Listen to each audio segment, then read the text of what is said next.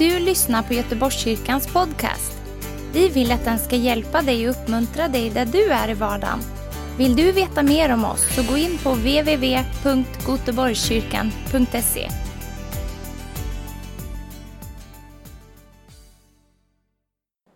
Du som har följt med lite grann eller som kanske vill göra det lite senare har ju märkt att vi har haft lite olika teman här.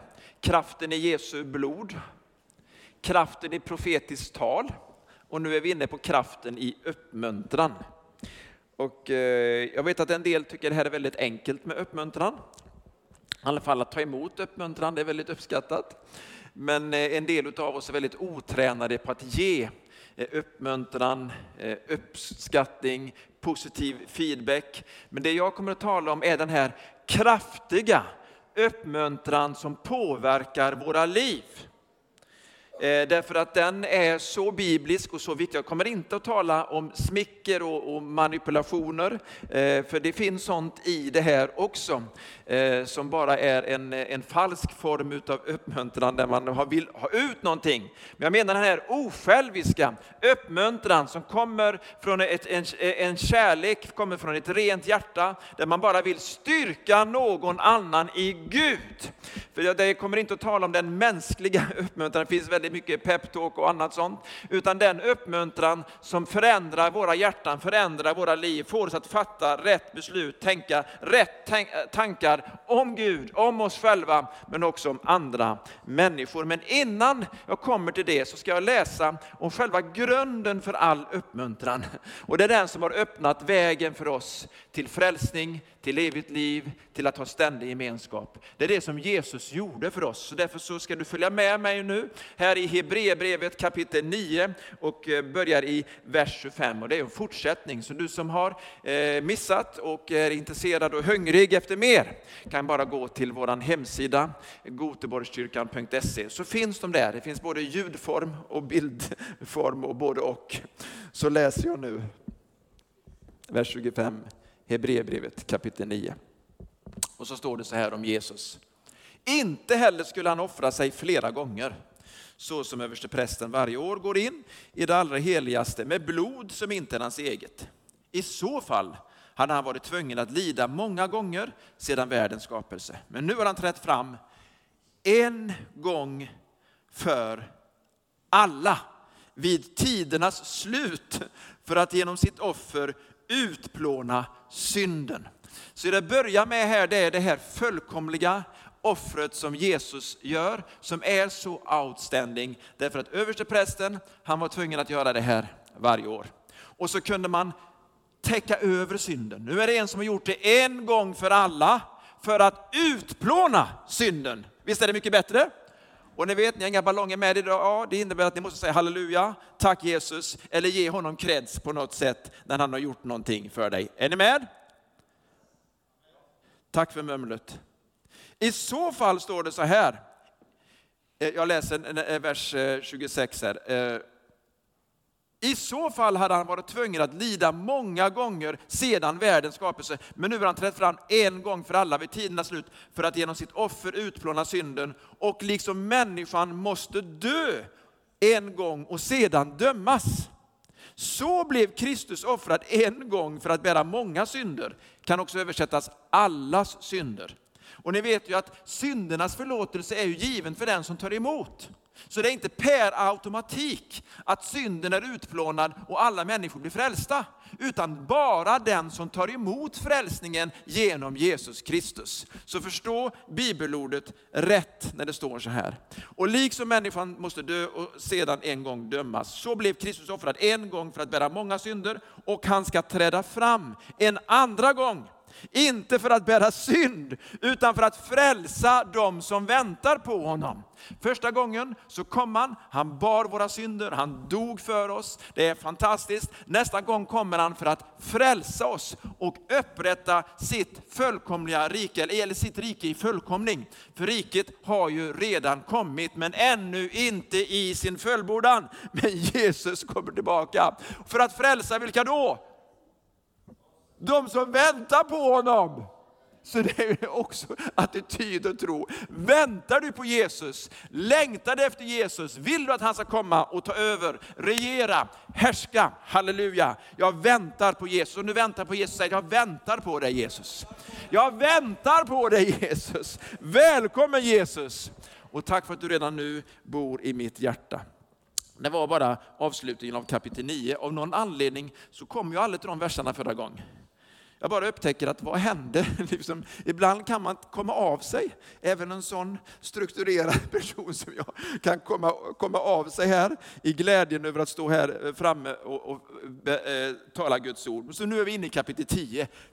Halleluja. Och så kommer det återigen en sanning. Det är mycket sanningar som sagts många gånger förut av olika predikanter. Och tycker du att jag skummar igenom så beror det på att någon annan har gjort en djupgående förkunnelse om det här förut. Lagen ger en skuggbild av det goda som kommer, men inte tingen i deras verkliga gestalt. Därför kan aldrig lagen genom samma offer, som ständigt frambärs år efter år, fullkomna de som träder fram. Vilka är det som träder fram? Det är vi. Hur kan Gud fullkomna oss? Eller som det också står senare, helga oss? Jo, därför att han gör oss heliga genom att han gav sitt blod och hans blod helgar oss. Det är inte vi som fixar till oss, det är Gud som gör oss heliga. Han förklarar oss rättfärdiga och han gör oss heliga. Är det här bra? Det är värt ett amen. Det är rätt så stort faktiskt. Tänk om du skulle tänka så här, jag fixar det själv Gud, ge mig bara tillräckligt mycket tid så ska jag fixa lite extra helighet. Till och med du kommer att bli imponerad. Han är totalt oimponerad av våra försök till helighet. Men vi tar emot hans helighet. Hur då? Först och främst genom frälsningen, genom Jesu blod, men också genom helig ande. Ja, du hör det själv. Vi tänker inte så ofta på att helig ande är helig. Han är ren, han är avskild. Det är perfekt. Det är helig ande som bor i oss. Och helig ande inom oss vill hela tiden be för det heliga så som Gud vill. Heliga ande inom oss förändrar också våra hjärtan. Hör här.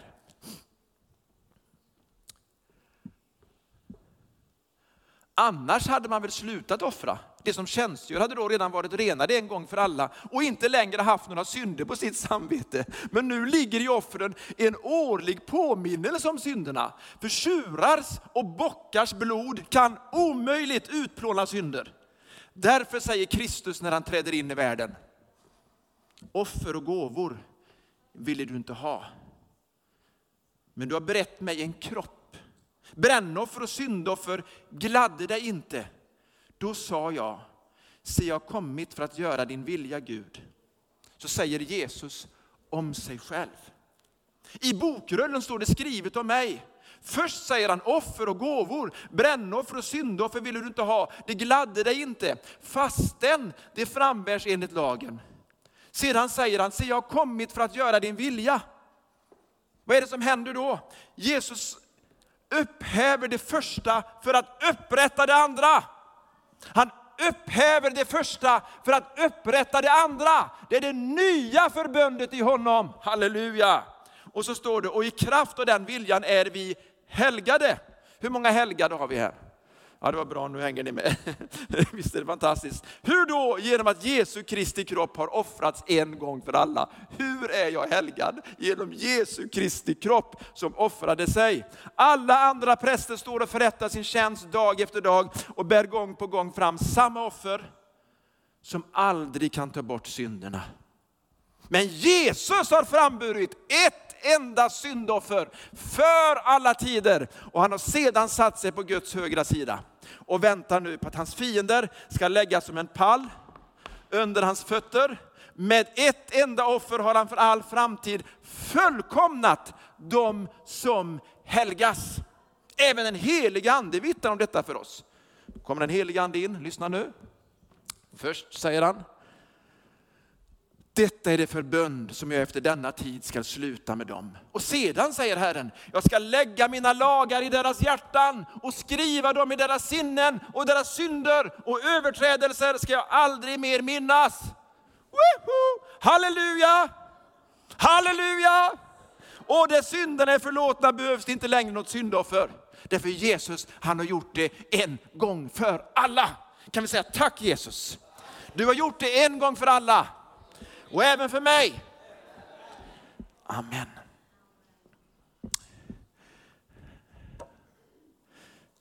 Med detta som grund och med denna påminnelse om väldigt mycket som jag läst om och predikat om, så går jag nu in i några låt oss. Är ni med på några låt oss? Visst det låter det fint när man säger låt oss. Det är ungefär som eh, i spanska, vamos. Liksom, nu går vi. Låt oss, låt oss. Och så står det så här i vers eh, 19, jag, fortsätter där. Bröder, i kraft av Jesu blod kan vi därför frimodigt gå in i det allra heligaste. Låt oss mm, på den nya och levande väg som han öppnat för oss genom förhänget, det vill säga sin kropp. Vi har en stor överstepräst över Guds hus.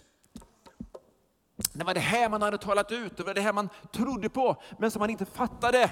Så när Jesus dör, när hans egen kropp brister, i samma stund så brister det här tjocka tygförhänget i templet som är tjock, bred som min hand här, eller kanske lite bredare eftersom jag har en liten sån frökenhand. Men ett starkt, ett väldigt tjockt tyg brister i tu. Och de som är där och de som kom dit efteråt förstår, nu har det hänt, nu är det öppen väg, nu kan vi komma in till det allra heligaste. Inte bara en person en gång om året, utan alla, alla, alla kan komma in där. Hur då? Genom Jesu kropp, genom hans blod. Jag står upp och prisar Gud och jag vet att du i ditt hjärta bara säger halleluja, det är ju underbart. Snart släpper jag en ballong. Tack Jesus. Därför jag tror att det här är grunden för den frimodigheten och det livet vi lever ut till andra. Med det här som grund blir det så mycket enklare att vittna, att profetera, att bjuda med människor, att uppmuntra, att tjäna, eller hur? Man behöver bara förstå vem man är i Kristus. Man är hur frälst som helst. Lite konstigt uttryck, men ni förstår. Jag vill förstärka det. Säg att jag är hur frälst som helst. Genom Jesu blod. Halleluja! Woo! Tack. Och så står det sen, precis som att det inte ska vara slut här. Vi har en stor överste präst över Guds hus. Tack Jesus. Låt oss därför, låt oss därför, vad då? Gå fram med ärligt hjärta. I trons fulla visshet, med hjärtat renat från ont samvete och med kroppen badad i rent vatten.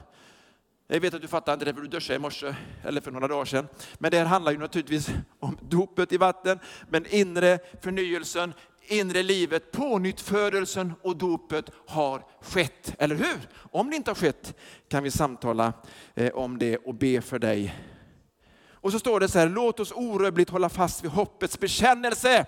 För han som har gett oss löftet är trofast. Alltså jag tror att vi missar det här med bekännelse, att säga detsamma som. Det är därför som jag trycker på. Det är så viktigt att säga detsamma som. Som när jag säger Jesus är Herre, så säger man Jesus är Herre. När det står i bibelordet, han ska inte överge oss, han ska inte svika oss. När vi säger det så bekänner vi oss till hans ord då att han är trofast, även om vi är trolösa.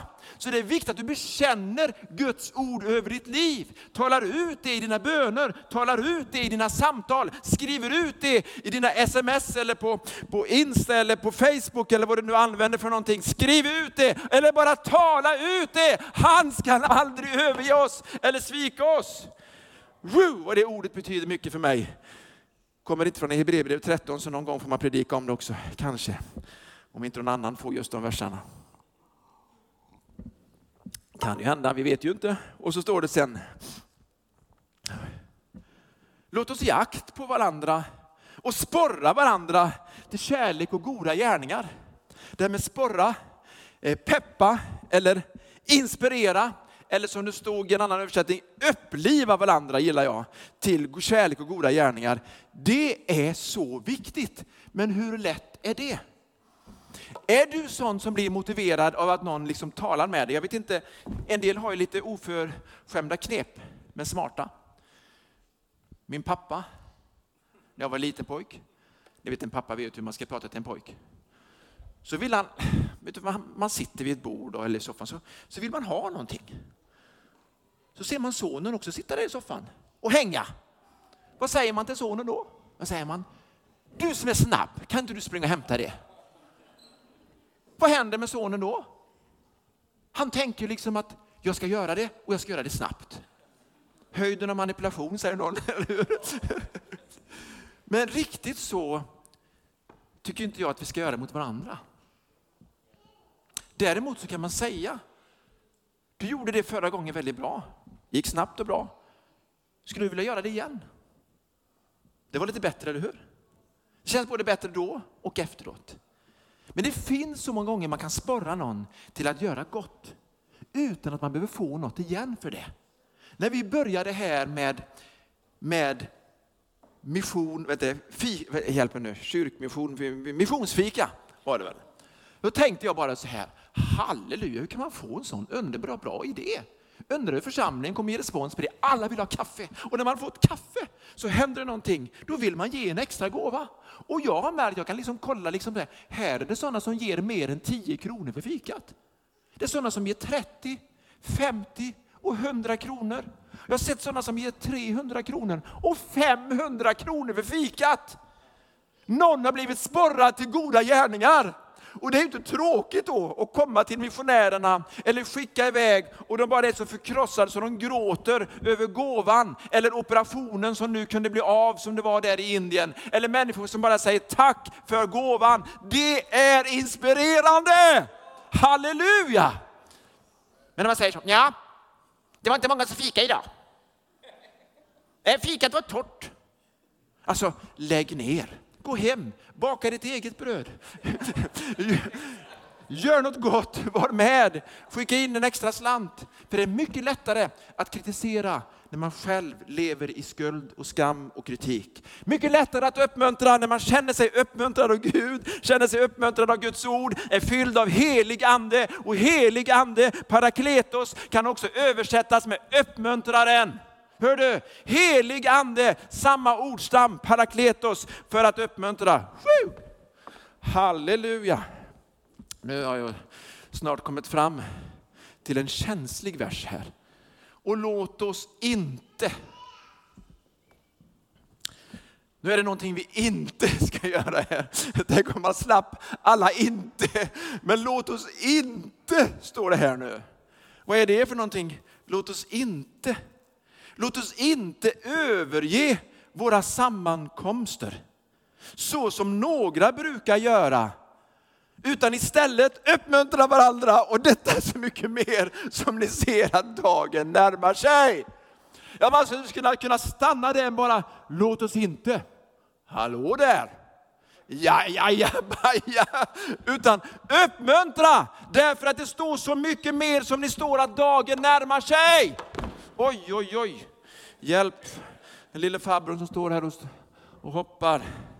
Att han blir lite mer balanserad. Ja, kära vänner. Så ni vet, så är uppmuntran väldigt kraftig. Jag har ju alltid varit jätteintresserad av sport. Och jag märkte att det som fick mig att överge en gudstjänst, det var sport på tv. Ni förstår att det är 30, 50, det är nästan det är 39 år sedan ungefär. Det är många år sedan. Jag vet att en del kan förstå mig. Men jag hade för vana att prioritera det. Men så var det gudstjänst. Och istället för att cykla liksom till grannön i ur och skur, vara där, och jag, oftast var jag den enda eh, som var där som, som var under 20 år så var det en gång ett tillfälle, jag bara upplevde det. Det där måste du offra. Jag kommer att ge dig glädje i det nya. Och jag tänkte, jag får chansa på att det här är rätt.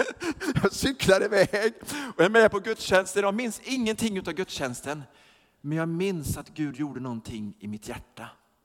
Som handlar om att prioritera sammankomsten. Hebreiska, eller grekiska, synagoge, när man samlas träffas så kallas det när, när judarna träffades sin, sin synagoga, så sa de kristna när de träffades i sitt hem till gudstjänst, så var sammankomsten, man kom samman. Överge inte det momentet, tillfället när man kommer samman. Framför allt för att det är i Jesu namn, men också tillsammans. Men också för att det kommer en dag som är Herrens dag. Alltså vi är nära mållinjen. Vi är nära det grand final. Då ska vi uppmuntra människor att vara med och inte missa det. Inte gå förlorade. Som Hebreerbrevets författare säger i samma eh, bibelbok, fast i kapitel 3. Jag ska läsa det bibelordet också, kanske det är så att tekniken hinner få fram det. För att det är ju som ett parallellbibelställe här i Hebreerbrevet 3. Bröder, se till att ingen av er har ett ont och trolöst hjärta så att han avfaller från den levande guden. Uppmuntra varandra istället varje dag, så länge det heter idag. Så att ingen av er förhärdas genom syndens makt att bedra. Därför uppmuntran har en större kraft att uppmuntra till Gud, till goda gärningar, till gemenskap med andra troende. Uppmuntran att vinna människor är så mycket starkare än syndens makt att bedra, är så mycket starkare än bekvämlighet, jag drar mig undan, jag drar mig tillbaka. Men så mycket mer när man förstår att det kommer en dag då det är slut. Då det är Kristi domstol, då vi bara står där och allting blottläggs. Vad gjorde vi av våra liv? Hur förvaltade vi vårt pund, våra dagar? Och det bara förstår jag, vi kan uppmuntra varandra, inte därför att de ska komma till mitt möte, eller min samling, eller den tårtan som jag har bakat, eller den predikan som jag ska servera, utan för att det kommer en dag då vi står inför tronen. Därför ska vi uppmuntra varandra så länge vi kan säga idag. Då tänker jag så här. Man får läsa nästa bibelvers också. Nej, det gör jag inte förresten. Det är ju Marias predikan där på söndag. Det blir hur spännande som helst. Men jag kan läsa lite andra bibelord här. Jag har lyckats ladda ner dem i min padda här. Så ska jag läsa lite här. Så står det så här om att uppmuntra människor till tjänst. I Andra krönikebok kapitel 35, vers 1-2. Josia firade Herrens påsk i Jerusalem. Alltså det var en ung kung som lyckades med förnyelse och leda väckelse i hela Israel. Man slaktade påskalammet på fjortonde dagen i första månaden. Han fastställde prästernas uppgifter, åligganden, och styrkte hebreiska jazak. Han styrkte dem till tjänstgöringen i Herrens hus. Grekiska parakletos uppmuntra, hebreiska shazak jag vet inte om det är rätt uttal, men vi kan ju säga det med mitt uttal och låtsas som att det är rätt i alla fall den här dagen. Ett, två, tre, Jazak! Ett, två, tre, Jazak! Det fick du ett ord som du förmodligen inte hade hört förut. Det betyder att styrka någon, men inte bara peppa till vad som helst, utan styrka någon i Gud. En kraftfull uppmuntran. Samma ord används när Jonatan styrkte eh, David i Gud när han eh, höll på att bli avrättad av Saul. Samma ord använde David när han hade förlorat sina hustrur, sina barn och alla hans män, så står det att han shazak, han styrkte sig själv i Gud. Vill du ha någon som styrker dig i Gud? Tre stycken. Hur många vill vara med och styrka andra i Gud? Ja, jag med. Jag älskar det här. Men ibland så har man det så jobbigt själv. Och när man har det jobbigt själv så är det allra bästa att bara vänta, ha ett litet pitty-party tycka synd om sig själv. Och så funkar inte det. Har ni märkt det? Att det funkar rätt dåligt. Någon gång kan det funka. Jag tror att jag skulle se ledsen ut om min mamma skulle vara där. Hon skulle direkt liksom bara säga, hur är det pojk? Och skulle få en kram och skulle få mat. Halleluja. Visst är det underbart med mammor? Yes. Men de flesta tänker bara på sig själva. Det är bara jag som tänker på mig. Det här är lite jobbigt faktiskt, men ni förstår vad jag menar. Men när man går bort ifrån sig själv, när man själv behöver en uppmuntran, då kan man vara med att styrka andra ändå. Hur är det möjligt? Därför att helig ande bor i oss. Jag styrker mig själv i Gud, i hans ord. Och så bara gör jag det. Vilket bibelord har jag nu? Nu ska du läsa från Ordspråksboken. Jag älskar det här bibelordet. Ordspråksboken kapitel 11, vers 24 till 25. Kommer det upp på väggen här? Ordspråksboken kapitel 11, 24 till 25. Yes, tack Benjamin. Bra jobbat. Det är du där uppe och det är du där uppe. Vi tackar för er båda. Det är många där uppe förresten. Jag tackar Gud för er alla där. Den ene strör ut och får ändå mer. Den andra snålare blir bara fattigare. En generös själ blir rikt mättad. Den som vederkvicker andra blir själv vederkvickt.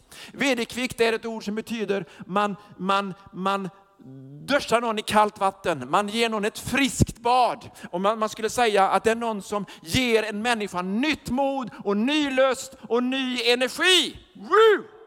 Vill du vara en som vederkvicker andra? Då blir du själv vederkvickt. Är du generös med uppmuntran och styrka, då kommer det tillbaka till dig. Men om du snålar och inte ger så mycket, Ja, men det var inte 100% bra så jag säger ingenting. Det var inte perfekt så jag säger ingenting. Nej, om de den kanske blir högmodig och högfärdig om jag säger någonting. Nej, men ingen har sagt något bra till mig. Jag ska inte säga något bra till någon annan. Ni, ni hör ju själva hur knäppt det låter. Men ändå är det några som känner igen sig i det här. Hur kan vi då uppmuntra och göra gott så att andra människor vill vara med på möten, vill vara med och tjäna Gud i Herrens hus, vill vara med och göra en skillnad genom att se dem uppmuntra dem och lyfta dem. Men framför allt att tala in att först och främst så tjänar vi Herren. Först och främst så behagar vi honom och när vi lever i det så blir det som ett flöde i våra liv och den som styrker andra blir själv styrkt. Wow! Jag ska berätta, jag tror det kan påverka dig, vad det betydde för mig när jag var ny i tron. Jag hade en enda önskan, att få tjäna Gud och jag ville tjäna Gud bland barnen. Men jag hade ett stort problem. Femåringarna kunde mer i Bibeln än mig. I alla fall, ja det kunde de. Jag förstod ju det efter ett tag. Så när jag sitter där och är assisterande söndagsskollärare och de kan de här berättelserna och jag får plugga in berättelserna, för jag hade ju, jag hade inte, jag hade inte gjort det. Jag visste inte ens att, att, att Samson var i, i Bibeln. David och Goliat kände jag till. Jag kände till några få berättelser. Men det som hände var att några äldre farbröder, som idag kanske är i 50-årsåldern, ni förstår hur man tänkte då, när man var 19 år. Några äldre farbröder sa till mig, Christian, nu får du ta klassen nästa gång. Vi har märkt att du är bra på att berätta. Och vad tänkte jag då? Jag är bra på att berätta. Jag är bra på att berätta. Jag lär mig hela den här berättelsen utantill och så bara berättar jag det här för barnen. För jag visste annars skulle de liksom ställa teologiska frågor. Så jag bara berättade och sen så sa jag amen och, och bad en bön. Och sen då tänkte jag, det här går ju riktigt bra. Och så fortsätter jag att berätta. Och det styrkte mig att göra det som var som en kallelse över mitt liv. Och söndagsskolan ute på öarna var ganska så stor. 100 barn inskrivna. 70-80 kom varje gång som fick, vi fick sitta i gudstjänstlokalen halv tio. Och så frågade de mig efter, eh, jag tror att jag varit frälst i två år, så frågade de mig, vill du bli söndagsskolans föreståndare? Och då tänkte jag, det klarar jag aldrig av, för då ska jag också ha ansvar för alla lärarna, all struktur, all undervisning. Så jag, nej, hur ska detta gå? Men jag tänkte liksom, men jag prövar det. Men då är det någon som tycker att det är inte bra. Christian kan bli högmodig om man får den här uppgiften. Och det här var en person som betydde mycket för mig, som liksom sa det här. Han sa till de andra, det är inte bra. Och jag tänkte liksom, vad ska jag göra nu? Då går jag hem till min morfar och mormor. Och min mormor, hon uppmuntrar mig genom att göra mat. Och min morfar, han uppmuntrar mig genom att säga, det är gott för en ung man att bära ett ok i sin ungdom. Varför sa han det? Jag har hört att de vill att du ska bli föreståndare i söndagsskolan. Du vet Christian, det var jag också. Jag vet inte om han sa att han varit i 20 eller 30 år, men det var säkert något sånt. Det är gott för en ung man. Tänker, ja, det är gott. Det är gott. Det är ett ok. Det är tungt, men Jesus är med. Och så gick jag in i den tjänsten och kallelsen. Förstår ni vad mat kan göra? Förstår ni vad ord kan göra? Förstår ni vad en kraftig uppmuntran kan förändra människors liv och ta ödden av kritik och misstro? Halleluja! Woo! Oj, oj, oj, har någon uppmuntrat dig? Styrk dig i Gud på ett sätt som förvandlade ditt liv. Har någon tagit med dig till en gudstjänst, en husgrupp och det förvandlade ditt liv? Ja, så var det för mig. Någon vågade bara säga, Christian, ska inte du bara gå med till den här bibelgruppen nu? Och jag bara liksom, nej. Och så säger jag, ja. Alltså förstår ni, någon bara gör det. Någon bara ger mig en kraftig uppmuntran. Den veckan blev jag frälst. Någon tog med dig till gudstjänsten, kanske här, någon tog med dig till kyrkan. Ge den uppmuntran tillbaka genom att göra likadant själv. Vem vill du uppmuntra idag? Skriv ner några rader, skriv någonting. Kanske den personen är här, gå till den personen. Säg det. Det kan vara enkla saker.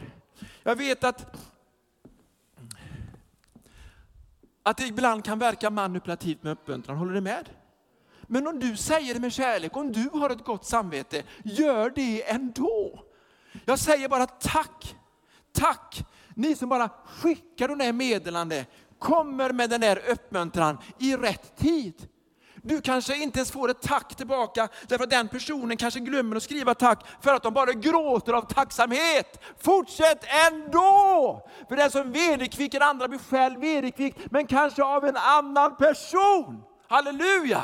Därför att ibland så sår man och så får man skörda vad man någon annan har sått. Men det är inte alltid du får igen av samma personer. Sluta inte uppmuntra bara för att inte samma personer ger dig feedback tillbaka. Det här är inte pingpong. Utan det här är Guds rike. Det här är en livsstil. Och det är en sån kraft i uppmuntran som människor kan gå ifrån mörker till ljus ifrån synd till frälsning. Att uppmuntra människor att komma till Guds hus, en stark uppmuntran. Och det är så att man har tagit några steg tillbaka, eller till och med är bitter och arg på Gud och människor, så kan din uppmuntran idag förvandla människors liv. Men då måste vi ibland våga ta lite kritik. Att någon blir arg på oss, någon tycker inte som vi. Har du varit med om det någon gång? Att du bara ger ut i kärlek och någon blir bara sur på dig. Gör det ändå! För det är så vi gör med våra barn. Hallå? Eller? Jag tänker, mina barn tog inte min feedback. Jag ska aldrig mer ge dem feedback. Aldrig mer! Alltså så säger man ju inte. Då har man ju liksom missförstått alltihop. Vi kanske ska vara lite mer mogna, lite mera föräldrar, lite mer godhjärtade, lite mera generösa med uppmuntran mot varandra. Halleluja! Jag ska eh, komma med en bekännelse här nu. Nej, vi har säkert räknat ut. Men jag var med på ett läger när jag var 11 år. Och jag har en lärare och han är väldigt orolig när han är med mig på läger. Jag kan inte gå in på detaljer här men det var en del bataljer som han fick ta i. Men den här läraren, han tog mig på rätt sätt. Han gav mig mycket uppmuntran. Men han satte mig på första bänk. Så jag var så nära läraren som härifrån till hit. Så han skulle ha koll på mig. Det fattar jag. Bredvid där satt klassens plugghäst. Gud välsigne henne. Så otroligt smart, men som jag upplevde nästan som ett övergrepp. Hur kan man göra så här mot en liten pojk som vill ha frihet och sitta längst bak och kasta suddgummi och prata och ha cirkus? Men han såg mig, han uppmuntrade mig och han förmanade mig. Och jag vet att jag en gång liksom ritade en karikatyr av honom. Han, han hade ett smeknamn och jag ritade honom som ett ägg och så satt han och, och fiskade i en bäck. Då kommer han in och så bara känner jag liksom den här liksom i nacken. Och jag ritade en nidbild av honom. Vad gör han av det? Han tar hem den och han visar mig den två år efteråt att han hade sparat den. Jag fick högsta betyg i teckning. Alltså det finns människor som är helt underbara. Han visste hur de skulle ta mig. Men jag kommer fortfarande ihåg att jag fick skämmas. För det jag gjorde var fel. Och när jag gjorde fel, då sa han till mig. Men han uppmuntrade mig också. Hör detta underbara bibelord. Jag ska inte läsa så många fler bibelord här. Vi går ju snart ur eh, sändning också. Men det här ifrån första Thessalonikerbrevet som handlar om vilka vi ska uppmuntra är inte helt fel. Första Thessalonikerbrevet kapitel 5, vers 8 till 14. Ta emot uppmuntran från Guds ord. Jag vädjar till dig. Ta emot. Vi som tillhör dagen, nu kommer dagen fram igen. Vi ska vara nyktra, iförda tron och kärleken som röstning och hoppet om frälsning som hjälm. Gud har inte bestämt oss till att drabbas av vredesdomen, utan till att vinna frälsning. Genom vår Herre Jesus Kristus. Han har dött för oss för att vi ska leva med honom, vare sig vi är vakna eller insomnade. Grunden för uppmuntran är frälsningen genom Jesus Kristus. Men så står det ju vad vi ska göra. Uppmuntra därför varandra och uppbygg varandra så som ni redan gör. Eh, vi ber er bröder att uppskatta dem som arbetar bland er och leder er i Herren och förmanar er. Visa dem den största kärlek för det arbete de gör. Håll frid med varandra.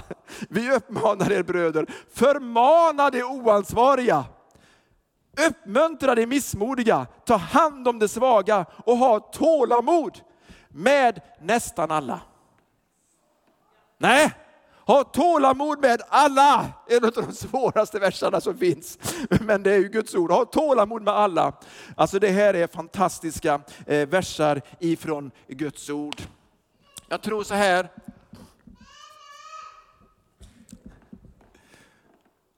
Att det finns människor i våra liv som vi inte ska be bort. Min lärare, som var en troende man, kantor i kyrkan, han bad inte bort mig. Han fejsade mig. Han tog tag i problemet. Han älskade mig. Han visade uppskattning. Han fick mig att våga sjunga inför hela klassen, för han visste att inte en människa vågade skratta åt mig i hans närvaro. Och jag sjöng, för jag var trygg. När man har den tryggheten och den förmågan att tillrättavisa oansvariga, uppmuntra de som är modfällda, då har man en auktoritet som en pappa, eller som en mamma, eller som en tjänare i Herrens hus. Och jag tror att vi ska vara fler som har den förmågan. För ju mer vi har den förmågan, så ju mer människor ger oss tillåtelse att också tala in tillrättavisning och korrigering. Därför att det är någon som älskar oss, en mormor, en morfar, en farmor, en farfar, en förälder, en ledare som älskar oss. Vill du vara den personen som generöst ger? Det tar sin lilla tid. Men då ska du också ta vara på de tillfällena att tala ut uppmuntran i kärlek i Jesu namn.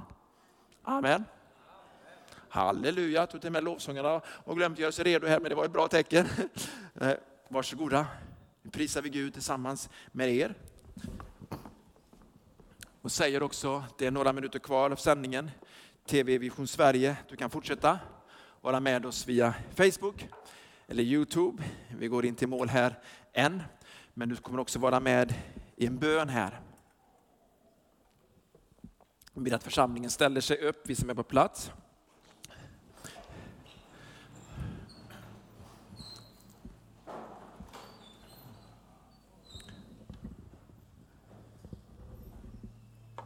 Tack Jesus. Jag har eh,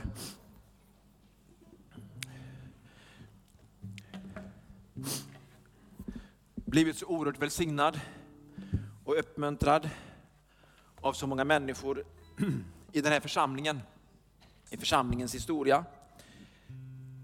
Vad det har betytt när man har varit frestad att ge upp?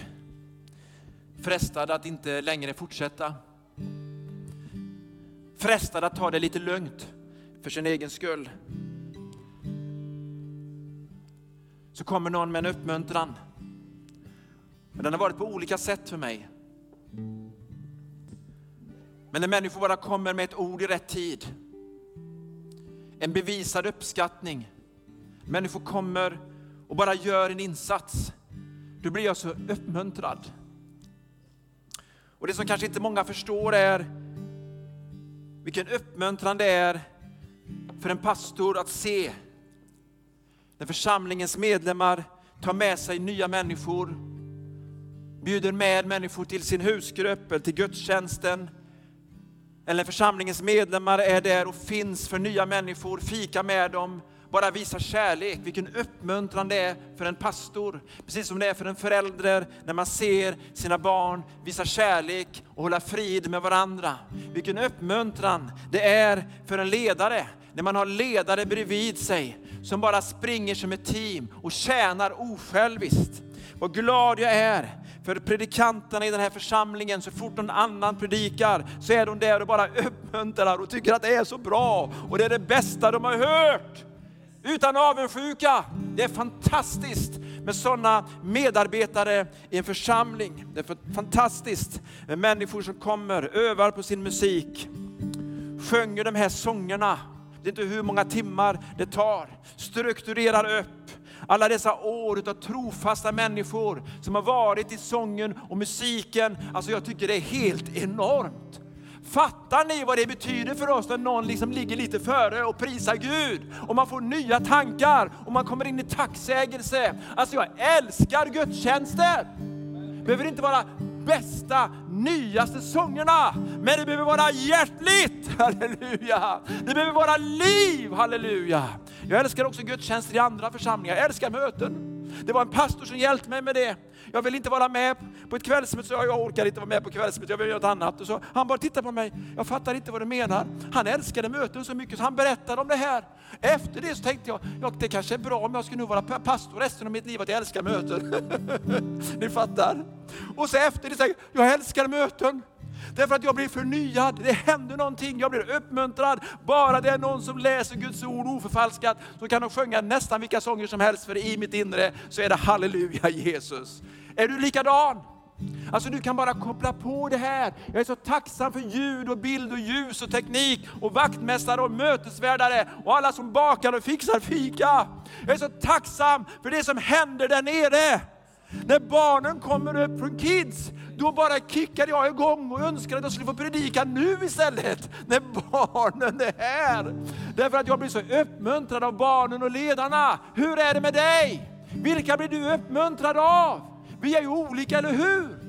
Men vi har människor i den här församlingen som är riktiga bönekrigare. Och när det är som värst och som tuffast så bara skriv jag ber för dig och så skickar de bibelord. Eller som förra söndagen när vi bara gick omkring och bara kunde säga till någon, jag strider för dig. Eller jag fightas för dig. Och när unga män, äldre kvinnor gråter därför att det är någon som bara kommer med en uppmuntran. Halleluja för en sådan församling. Vill vi vara med? Vill vi ta upp det en nivå till? Jag vill det. Tack för att ni finns. När vi tjänar på det här sättet så tror jag också att vi kommer att bli ännu fler.